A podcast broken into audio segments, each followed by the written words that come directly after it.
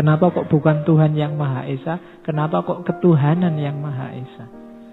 Bagi saya ini kecerdasan para founding father kita. Kalau jadi bedakan antara bertuhan dengan berketuhanan. Kalau bertuhan atau beragama itu manifestasi fisiknya, manifestasi realnya. Tapi hakikatnya itu ketuhanan. Jadi bertuhan itu kesediaan untuk percaya beriman kepada Tuhan. Tapi kalau berketuhanan itu kesadaran bahwa Tuhan itu ada.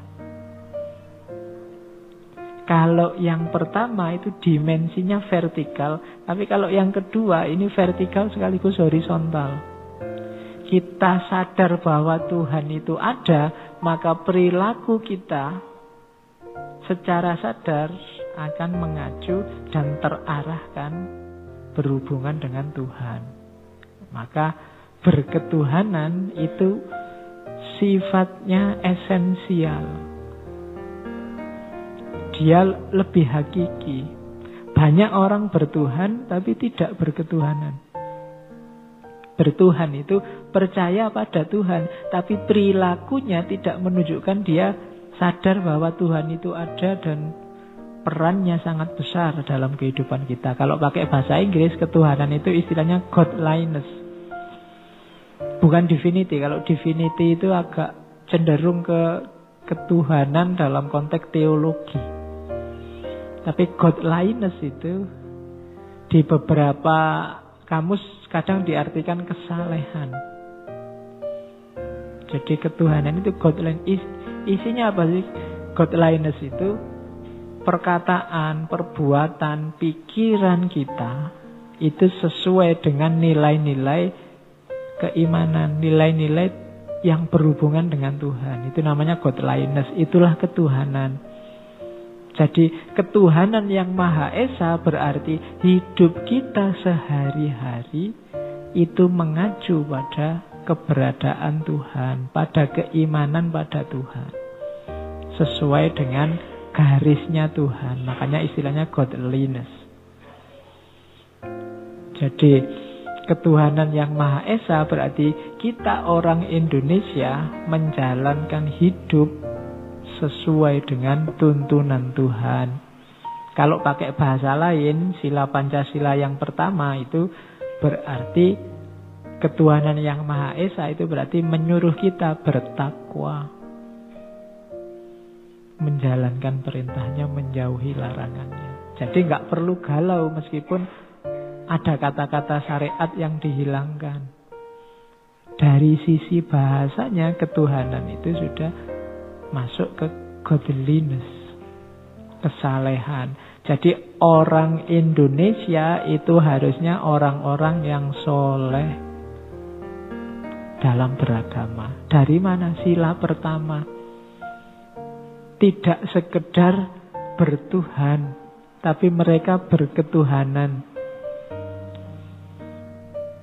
yang Maha Esa. Dan jangan salah, Esa itu tidak ada hubungannya dengan jumlah. Esa bukan Eka. Kalau Eka dia artinya satu. Tapi kalau Esa, kalau di bahasa Inggris kan Esa itu the only. The only itu ya enggak. Kalau satu itu kan nantinya ada dua, ada tiga. Itu kan ngomong jumlah. Tapi kalau Esa itu ya satu-satunya enggak ada. Enggak, hubungan sama jumlah. Kalau bahasa fenomenologi agama biasanya pakai istilah wuli other. Wuli other itu yang beda dengan segalanya sudah. Itulah maka pakai istilah Esa. Jadi nggak ada hubungannya loh. Ketuhanan yang Maha Esa satu itu berarti agamaku. Agama yang lain kan tiga. Dia nggak ketuhanan yang Maha Esa. Enggak. Karena nggak ada hubungannya sama jumlah. Esa itu kebertuhanan yang only jadi segalanya hanya untuk Tuhan. Jadi Tuhan yang holy others. Yang sama sekali berbeda. Jadi orang Indonesia harus soleh. Dalam hal agama. Maksudnya apa? Beragamanya nggak boleh setengah-setengah. Yang belum soleh berarti belum mengindonesia. Yang tidak mau gotong royong dalam tanda petik berarti belum juga mengindonesia. Yang tidak berkarakter bineka tunggal ika berarti juga belum mengindonesia. Itu ada beberapa untuk memperjelas godliness tadi. Misalnya dari usu. God is a person, godliness is a quality. You cannot become God, but you can be godly. Kalau Tuhan itu sosok, ada sosoknya, sesuatunya. Kita menyembah sesuatu yang namanya Tuhan di luar diri kita. Tapi godliness itu quality. Kualitas sikap, perilaku, kata-kata kita yang berkarakter ketuhanan.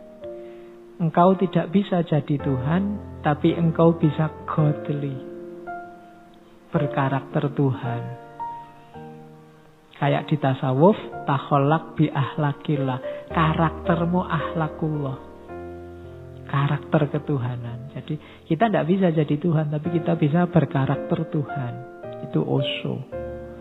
Osho mistikus India, kontemporer, kontroversial, dia ini mistikus tapi gagasannya dijadikan rujukan oleh orang-orang ateis. Sangat kontroversial. Kapan-kapan kita temui beliau. Pemuja-pemujanya banyak, yang menghujat juga banyak.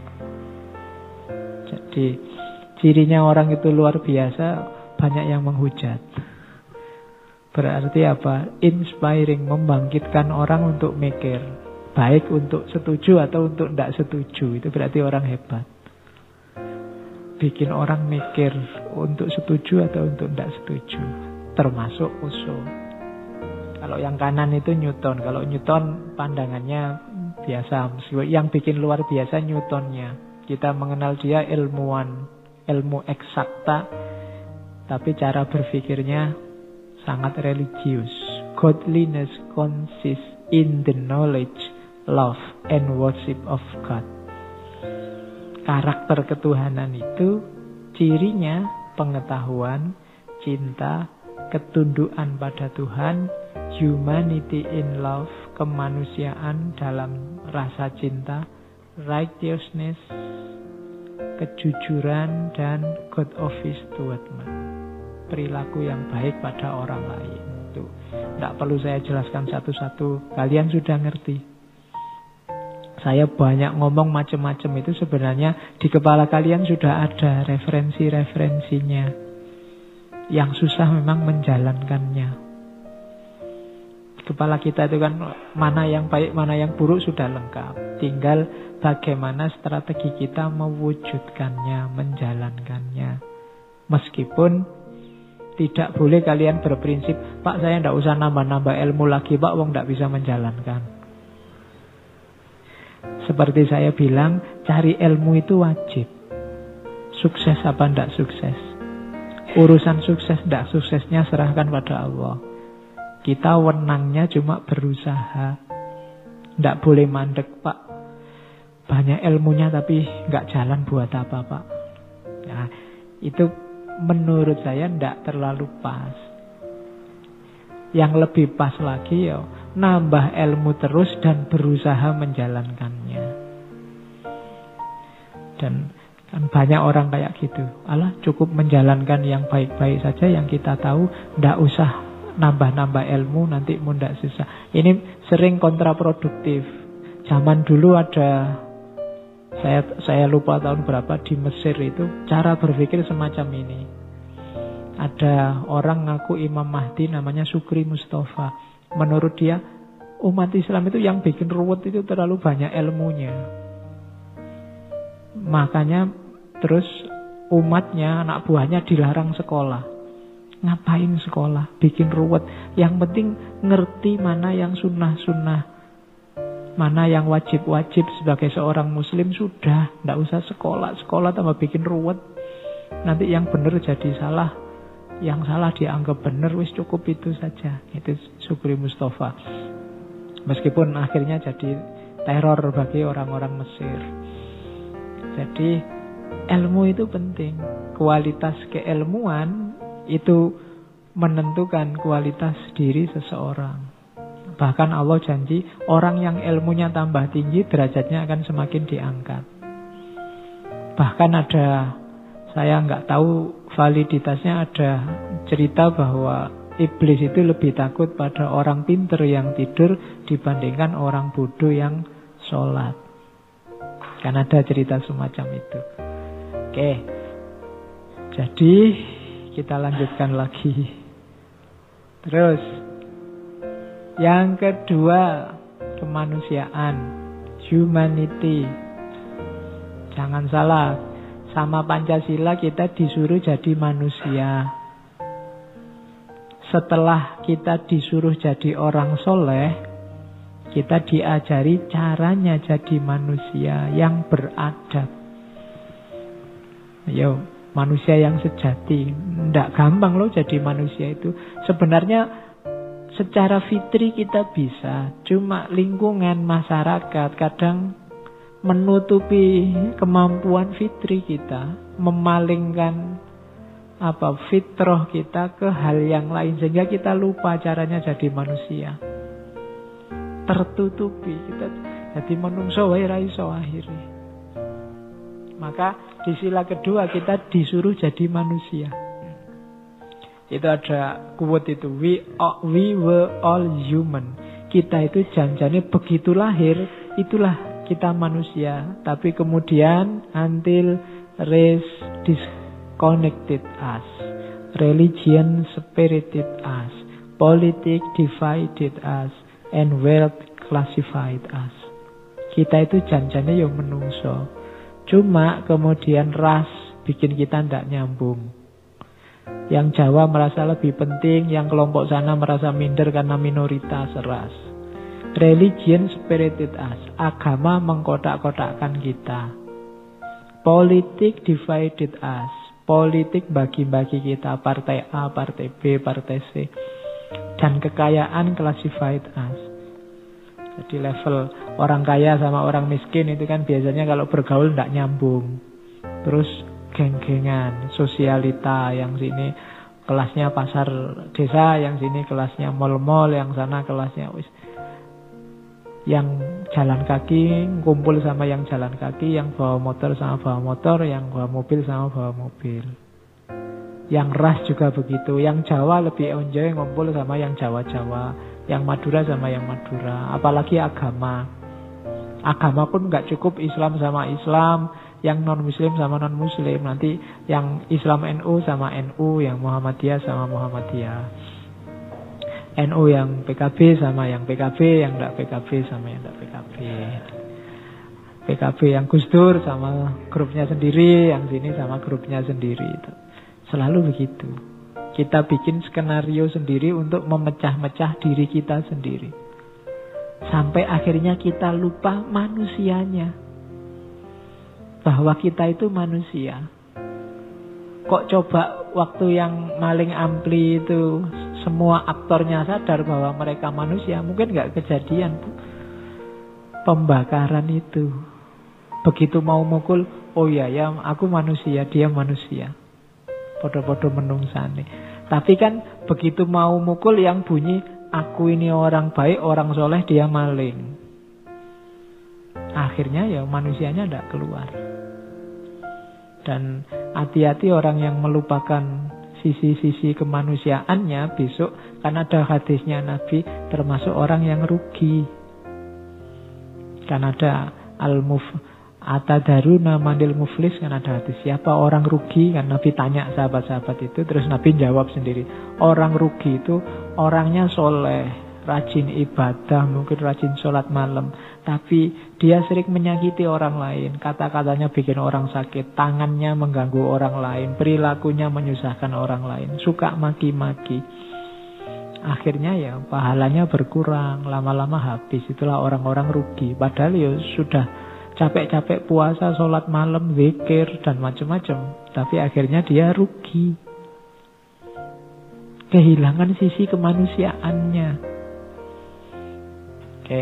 Maka kalian jangan bangga dulu. Saya orang baik loh Pak. Saya puasa Senin Kemis Pak. Ada yang saya puasa Daud loh Pak. Ada yang enggak kadang-kadang pahalamu besar tapi besok kamu bisa rugi ketika apa? Relasi sosialmu sesama manusia jelek. Itu kan ramalannya Nabi. Dan kita tidak terlalu care sama itu kan sekarang. Yang penting agama kita, ras kita, kelompok kita, parpol kita unggul. Nah, kita lupa jadi manusia. Oke. Okay.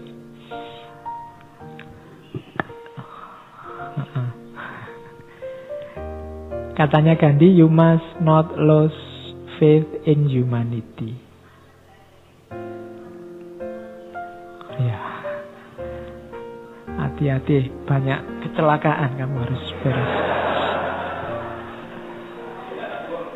Ya, nanti kayak yang itu, Bapak harusnya belok kanan kan itu yang Pak, saya ingatkan belok kanan, Bapak malah belok ke kiri, ke rumahnya janda kan itu. Oke, terus kita tidak boleh kehilangan kepercayaan in humanity. Jangan putus asa dengan yang namanya manusia. Sejahat apa pun, sekacau apa pun, tenang aja kita berhadapan dengan manusia. Humanity is an ocean. If a few drop of the ocean are dirty, the ocean does not become dirty. Jadi kemanusiaan itu nyawa dari semua tata nilai, nyawa dari semua gagasan-gagasan besar yang dibangun oleh manusia. Dia tidak akan bisa dikontaminasi, dipengaruhi, dibikin kotor. Pokoknya ada kasus apa pun kita bingung rumusan bakunya kembali ke kemanusiaan kita itu lebih aman. Kita sama-sama manusianya, paling tidak itu. Itu rumus paling mudah untuk mengatasi konflik kalau kita buntu. Sudahlah, wong kita sama-sama manusia. Itu lebih simpel. Makanya you must not lose faith in humanity. Kalau tentang ini saja kita sudah nggak percaya, kiamat sudah. Kalau kita sesama manusia tidak saling percaya, kiamat. Oke. Okay kemanusiaan itu kayak gimana sih? Itu ada quote dari Thomas Paine. Thomas Paine ini filosof, aktivis politik Inggris Amerika. The world is my country, all mankind are my brethren, and to do good is my religion. Ini ngomong di level manusia, belum di level institusi, belum di level ras, belum di level politik. Seluruh dunia ini negaraku. Manusia itu semuanya saudaraku dan kebaikan adalah agamaku. Ini level kemanusiaan. Anggaplah semuanya saudara. Anggaplah semua tempat itu tumpah darahmu. Dan anggaplah semua kebaikan itu jalanmu, agamamu. Itu level paling gampang. Nah, kenapa ada orang melupakan kemanusiaannya? Being human is given, but keeping our humanity is a choice. Jadi manusia itu takdir fitrah. Tapi kita mau memelihara fitrah ini atau tidak itu pilihan. Allah itu kan selalu begitu. Akal, berpikir, rasional itu fitrah kita. Kita mau pakai apa enggak itu pilihan. Silahkan dipilih. Nah, jadi manusia juga begitu. Being human is given, but keeping our humanity is choice. Itu ada quote bagus. We are all Hindus, Buddhist, Muslim, ateis, Kristen, Jews. Agamanya apa pun, kita kan sama-sama manusia, human. Hindu diambil hanya, Buddha diambil U-nya, Muslim diambil M-nya, ateis bahkan diambil A-nya, N. Dari Kristen, Yahudi diambil S-nya, Baru setelah itu act like it. Jadi berperilakulah seperti manusia. Jadi muslim boleh, jadi Hindu pilihanmu, jadi Kristen urusanmu, tapi tetap berperilakulah kayak manusia. Nah, itu menurut saya bagus karena tidak banyak di antara kita yang berperilaku kayak manusia. Ya kamu bisa melihat sekelilingmu banyak sekali anomali-anomali manusia. Koyo menungso tapi yo kok kelakuan ndak. Nah itu maka perintahnya sederhana, act like it. Berperilakulah kayak manusia. Itu saja permintaannya. Sila kedua. Jadilah manusia yang berketuhanan. Oke. Terus cuma memang kita hidup di dunia ini tidak sendiri.